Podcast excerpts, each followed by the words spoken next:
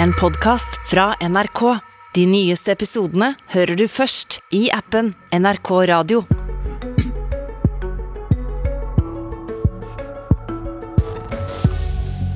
Skolepolitikken fra regjeringa skader næringslivet og jobbrekrutteringa, mener Høyre.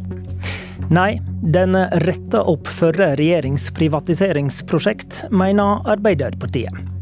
Bak ideologikrangelen ligger det viktige spørsmålet om hvordan vi ruster de unge for arbeidslivet.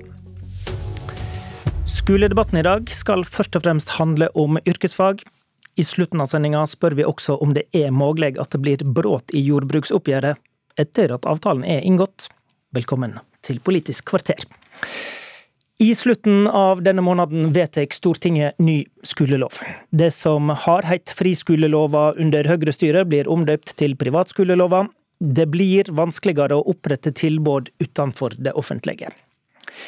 En av skoleformene som det ikke har vært så mye snakk om, som det nå blir stramma inn på, er videregående yrkesfagskoler med private eiere. Denne forma for godkjenning kom under Høyres regjeringstid, og det har kommet noen slike skoler på initiativ fra ulike bransjer, f.eks.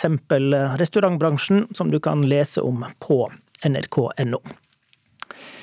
Jan Tore Sanner, utdanningspolitisk talsmann i Høyre.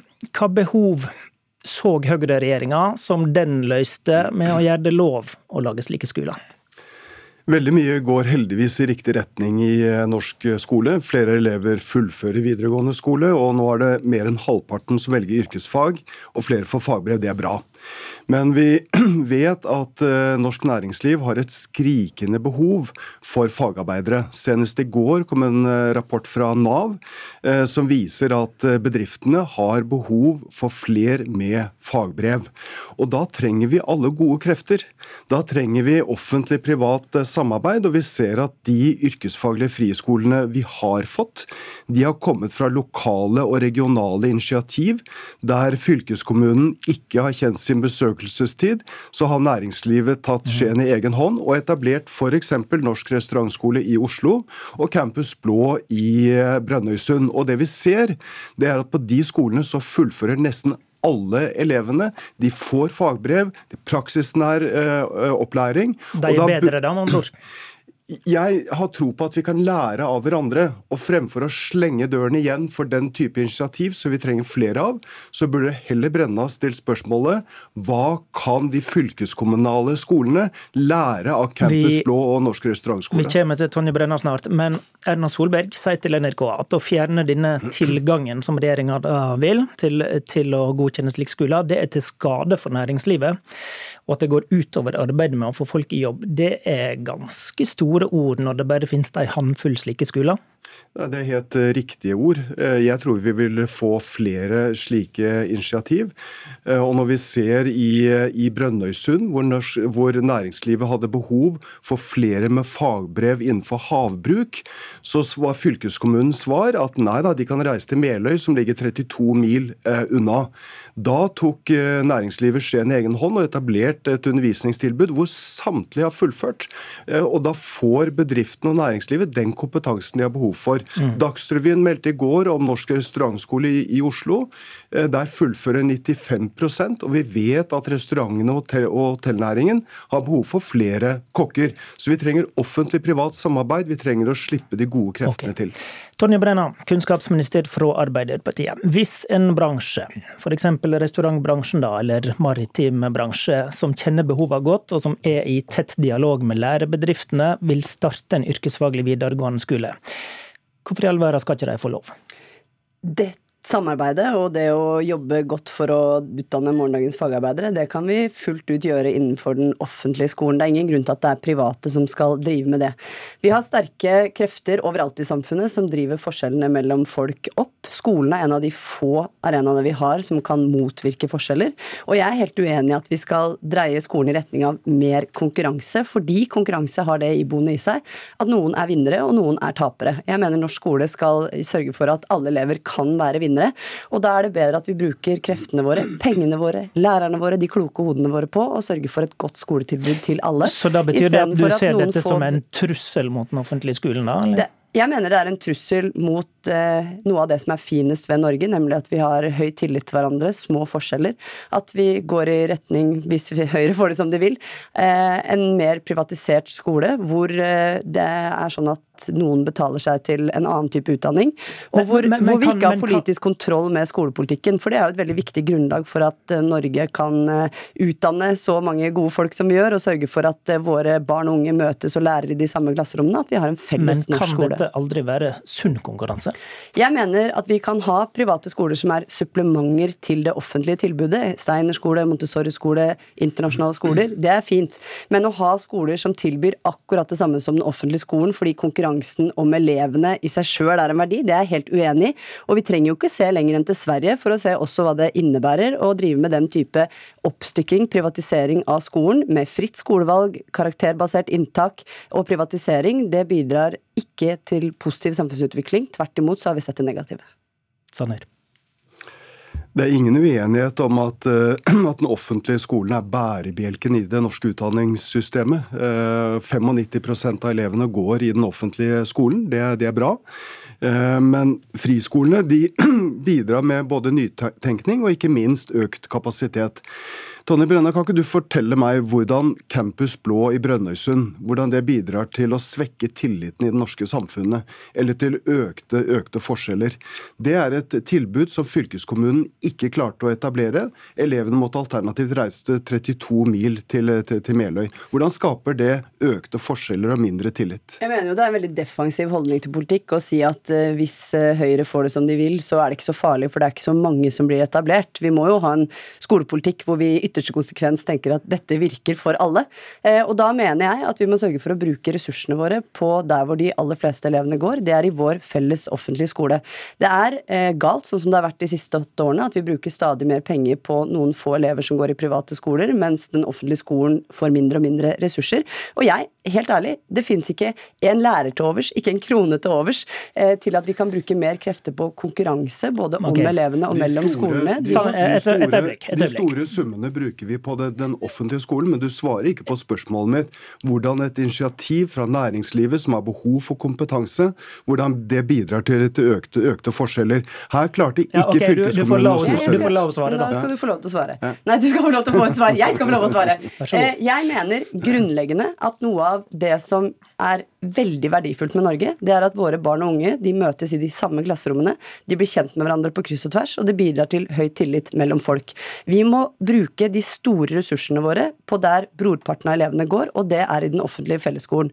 Med den borgerlige regjeringa så har stadig flere ressurser blitt dreid i retning av de private skolene, færre over i de offentlige, og det gjør at de, den offentlige skolen blir utarma, har færre ressurser til å gjøre jobben sin, og det i seg sjøl bidrar til at færre barn og unge får en mulighet i dette landet. Og det mener jeg er et viktig poeng når vi snakker om rekruttering av arbeidskraft.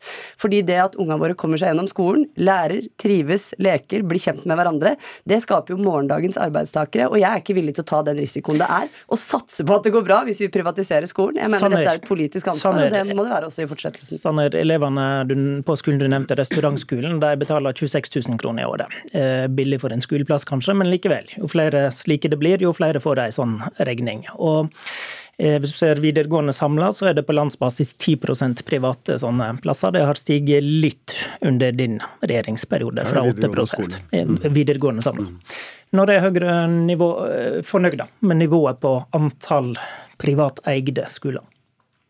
Jeg, jeg, mener at vi har en ganske god miks eh, nå. Eh, vi har eh, det offentlige skolene er bærebjelken både i grunnskolen og videregående skole. Men da trenger vel ikke hun legge til rette for at det blir jo, flere? Altså, nå åpner jo fortsatt Arbeiderpartiet for at du skal kunne etablere skoler som er enten religiøse eller Montessori eller Steinerskolen.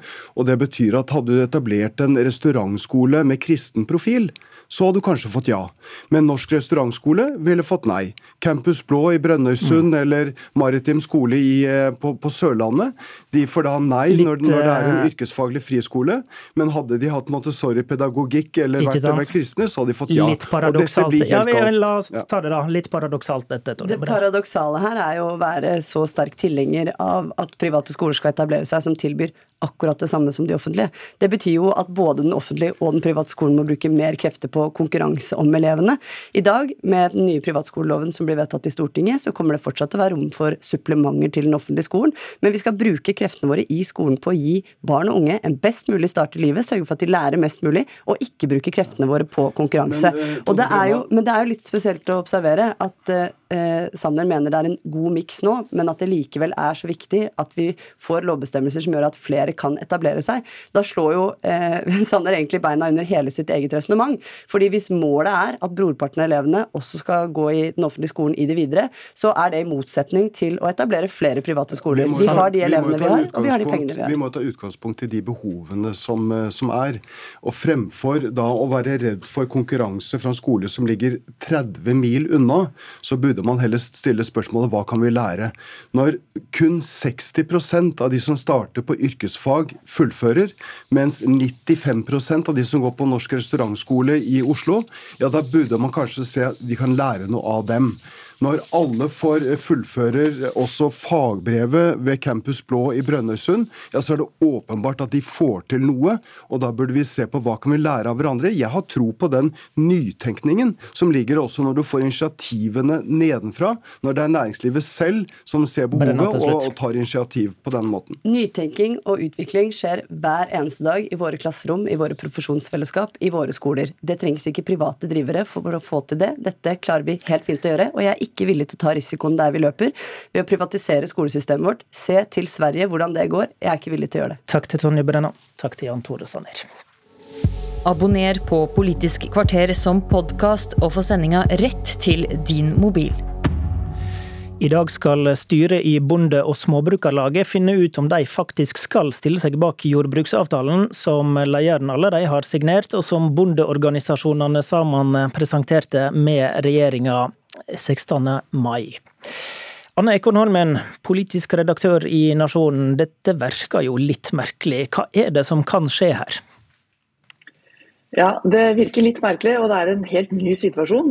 Det som skjer, er at eh, noen eh, utbrytere, om man kan kalle det det, mener altså å ha mistillit til forhandlingsutvalget og ledelsen i Bonde- og Småbrukarlaget. Eh, og mener at avtalen ikke skulle ha vært signert. Eh, og Det er det styret da i dag eh, nå på morgenkvisten skal eh, stemme over. Kan de trekke seg fra en avtale som allerede er inngått, da? Altså Det som kan skje, er jo selvfølgelig at bondelaget, nei unnskyld, Småbonde- og Småbrukarlaget bryter kan du si, i etterkant så vidt eh, jeg vet, og som Kjersti Hoff i Bonde- og Småbrukarlaget sier, har det ikke skjedd før. Mm. Men eh, det som har skjedd flere ganger, er jo at Bonde- og Småbrukarlaget har brutt forhandlingene underveis. Mens Norges Bondelag har gjennomført og gjort avtale med staten. Nettopp, og her sånn står jo si. Bondelaget bak avtalen denne gangen også. Hva i avtalen gjør at organisasjonen for de små bøndene da nå er i tvil om de skal stemme for dette? Ja, eh, Noen av de som er eh, opprørerne her, kan du si, sier at det ikke i seg selv bare er avtalen de er uenig i, men altså det formelle og prosessen i det. Men det er altså også sånn at eh, mange mener små og mellomstore bruk ikke kommer godt ut av avtalen. Det er jo sånn over år at strukturrasjonalisering og effektivisering har vært mantra i norsk jordbruk. Og det har jo gått utover de små og mellomstore som ikke kan vokse ubegrensa mm. fordi at de ligger i deler av Norge der det ikke er geografisk mulig, rett og slett. Hvor alvorlig er det for landbruksminister Sandra Borch fra Senterpartiet og for regjeringa dersom eh, de små bøndene bryter ut? Er det, er det viktig for dem å ha en samla bondenæring bak avtalen? Det er selvfølgelig ønskelig. Eh, og denne avtalen har vært veldig viktig for Senterpartiet å få i havn. Eh, dette er selvfølgelig mange av partiets kjernevelgere dette er snakk om. Eh, og Senterpartiet er jo også opptatt av sant, landbruket i hele landet og bruke distriktene. Og, og jordbrukspolitikken er en viktig del av distriktspolitikken, som Senterpartiet er opptatt av. Det å kunne holde dyrkbar og dyrka jord i hevd over hele landet, og drive drift i hele landet. Mm. Så der er Småbrukarlaget en viktig del av det. Eh, så for Sandra Borch og, og regjeringa så er det selvfølgelig aller best om alle er med. Men, Men eh, bøndene har jo fått en, avtale med staten på 10,9 milliarder, som er tigangen av et vanlig år. Hvor strategisk lurt er det av en bondeorganisasjon å, å på en måte markere misnøyen med dette, da?